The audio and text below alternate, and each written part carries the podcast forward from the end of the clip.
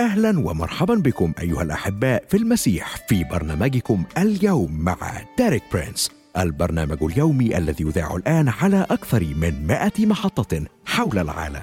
في فبراير من عام 1979 كان ديريك برينس يتأمل كلمات سفر أعمال الرسل الأصحاح الأول والآية الثامنة. لكنكم ستنالون قوة متى حل الروح القدس عليكم وتكونون لي شهودا في أورشليم وفي كل اليهودية والسامرة وإلى أقصى الأرض. وقتها قال ديريك برينس بدا لي بأن الخدمة الخاصة بي كانت فعالة في أورشليم أي في الأماكن الأقرب إلي لكنها لم تصل بعد إلى السامرة ولا إلى أقصى الأرض أي لم تصل بعد إلى كل العالم. ولم أتمكن حتى الآن من توصيل كل الحقائق التي تعلمتها من الله خلال أربعين عاما في الخدمة معه ولأجل الوصول إلى كل العالم بدأ بث برنامج اليوم مع ديريك برينس. اليوم نقدم لكم هذا البرنامج باللغة العربية. راجين من الله أن يكون سبب خير وبركة لكم ولبيوتكم ولخدمتكم.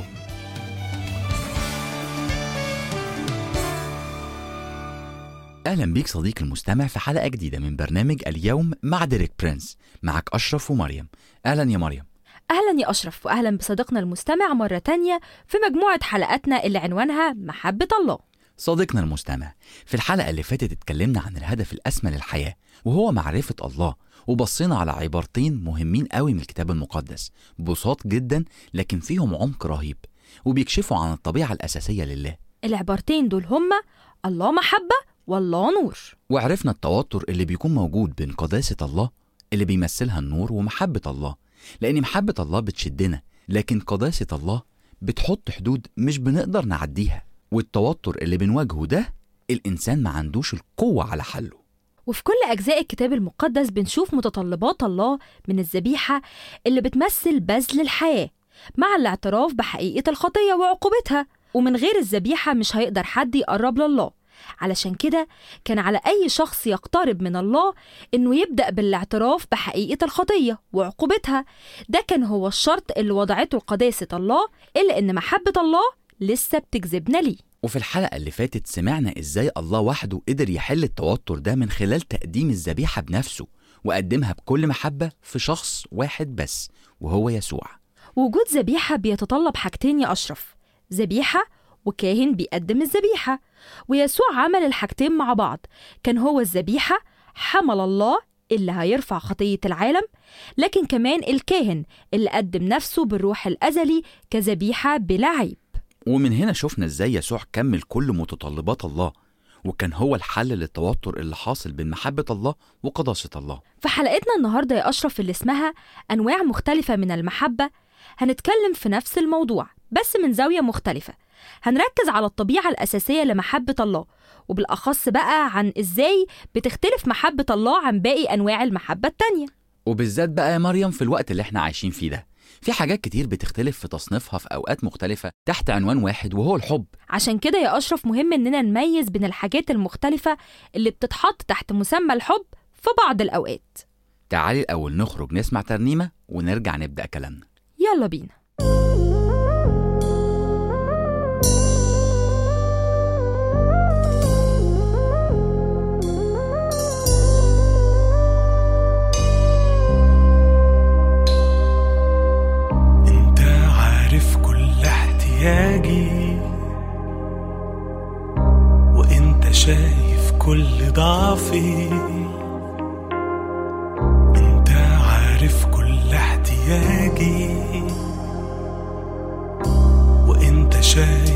كل ضعفي.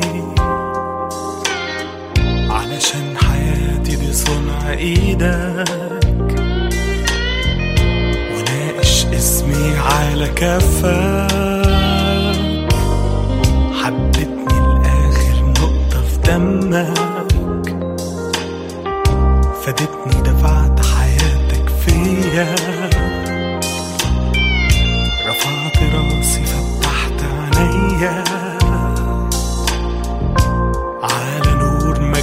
مجدك اللي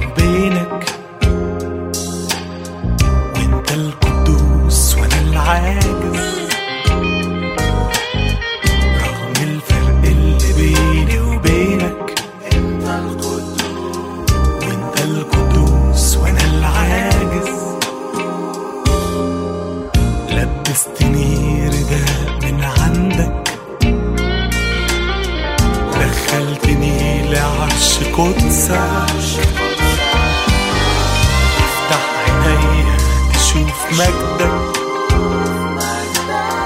أرفع ايديا اعلان ملكك. خلي حضورك يملى حياتي. واموت وتحيا في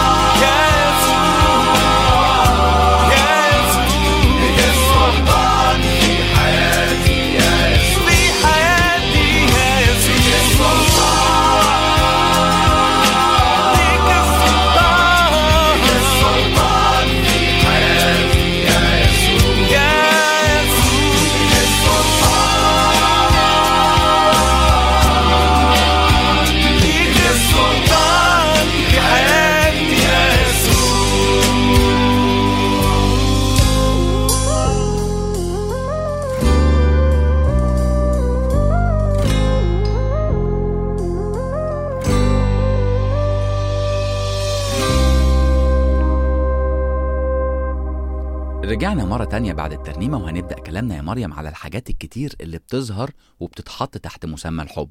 في العهد الجديد المكتوب باللغة اليونانية وهي اللغة اللي اتكتب بيها العهد الجديد واتسلمت لينا في أربع مفاهيم يونانية أساسية وكلهم بطريقة أو بأخرى ممكن ترجمتها أو تمثيلها في كلمة حب. أول كلمة إيروس والتانية ستورك والتالتة فيلية والرابعة أجابي. طب يا أشرف تعالى نسمع تحليل بسيط من ديريك عن الكلمات دي. بس خلي بالك إننا عايزين نركز على الكلمة الرابعة اللي بتعبر عن محبة الله واللي هي أجابي. تمام. يلا بينا نروح نسمع ديريك. يلا بينا. دعوني أحلل باختصار كل من هذه الكلمات. اولا إيروس وهي الكلمة التي تأتي منها الكلمات مثير للشهوة. والتي أعتقد أنها كافية لتشير إلى طبيعة إيروس الأساسية. إنها طبيعة جنسية في المقام الأول. لكن هذا الحب ما هو إلا انجذاب جسدي في الأساس. إنه شهواني جنسي ولا يقدم أي أساس لعلاقة دائمة. لقد انتهت الكثير من الزيجات وتدمرت لأن الزوجين جعل من الإيروس الأساس. وهذا لا يمكن أن يكون أساسا. إنه ليس أساسا لعلاقة دائمة بين شخصين فهو يستمر فقط ما دامت الجاذبية الجسدية مستمرة.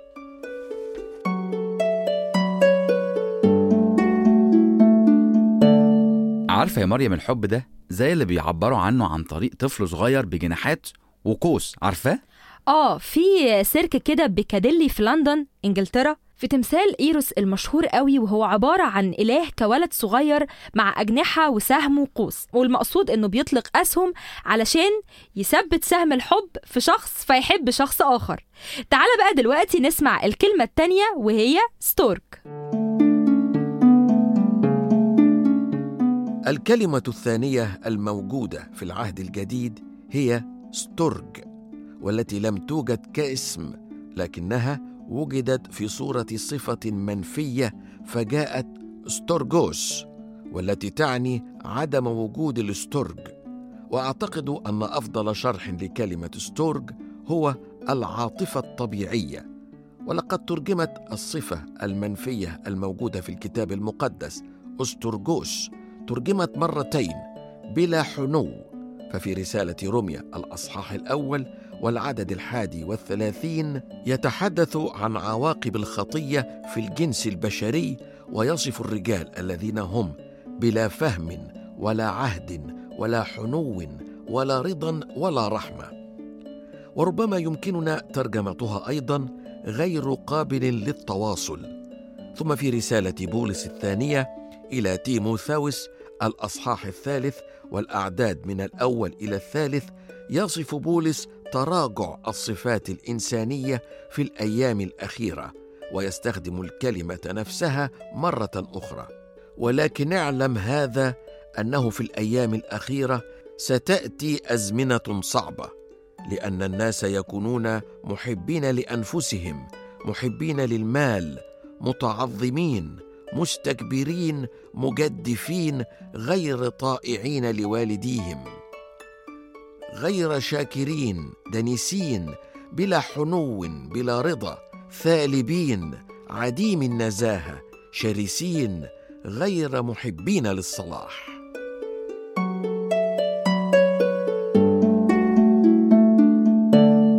مهم قوي يا مريم نحط في الاعتبار الصفة المنفية دي بلا حنو.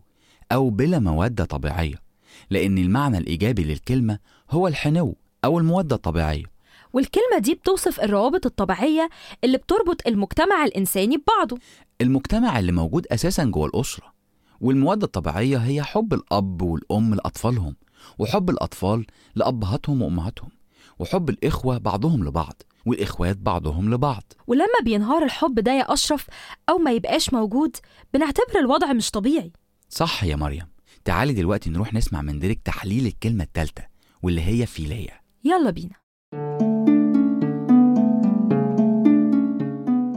المعنى الرئيسي لكلمة فيليا هو الصداقة، لكن وللأسف تم تشويه معنى الصداقة في الكثير من اللغات الحديثة، إنها حقا كلمة ثمينة ومحترمة، فأن تكون صديق شيء له معنى، وفي الكتاب المقدس وصف إبراهيم بأنه خليل الله، أي صديق الله، ولكن كان هذا اللقب دليل على شرف عظيم.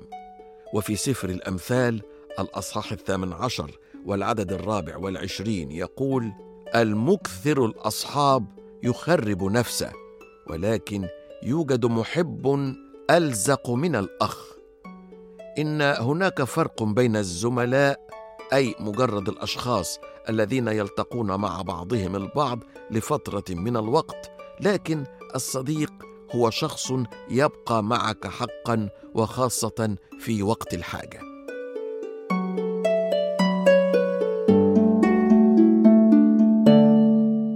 كده يا مريم يبقى عرفنا تحليل الثلاث كلمات اللي بيعبروا عن الحب وهما إيروس يعني الحب الجنسي ستورج اللي معناها المودة الطبيعية وفيلية اللي معناها الصداقة. كده مش باقي لينا غير الكلمة الرابعة واللي هي أجابي. وهي دي الكلمة المهمة لأنها بتشير لينا عن الحب اللي جاي لينا من الله بصورة مباشرة. عارفة يا مريم الله لما خلق الإنسان على صورته وشبهه كان في جزء من المحبة دي اللي بتربطنا بالله نقدر نعبر عنها بكلمة أجابي والكلمة دي ليها أربع علامات. قبل ما تنتهي حلقتنا تعالي بينا نسمعهم من ديريك الأربع علامات المميزين للنوع ده من المحبة. اللي هو أجابي. يلا بينا. اولا إنها محبة بذل النفس. فهذه المحبة تعطي نفسها لا الاشياء ثانيا إنها تمشي الميل الثاني. تذكر عندما قال يسوع ومن سخرك ميلا واحدا فاذهب معه اثنين إن الميل الأول إلزامي إنه واجب. لكن الميل الثاني هو محبة الأجابي. ثالثا هي بلا أي قيود إنها غير مشروطة فهي لا تقول إذا قمت بذلك فعندها سوف أحبك إنها ببساطة غير مشروطة وبلا قيود. ورابعا لقد ظهرت هذه المحبة بالكامل في يسوع وسوف أعطي فقط مثالا واحدا وسأقرأ من رسالة رمية الأصحاح الخامس والأعداد من السادس إلى الثامن. أن المسيح إذ كنا بعد ضعفاء مات في الوقت المعين لأجل الفجار فإنه بالجهد يموت أحد لأجل بار ربما لأجل الصالح يجسر أحد أيضا أن يموت ولكن الله بين محبته لنا لأنه ونحن بعد خطاه مات المسيح لأجلنا.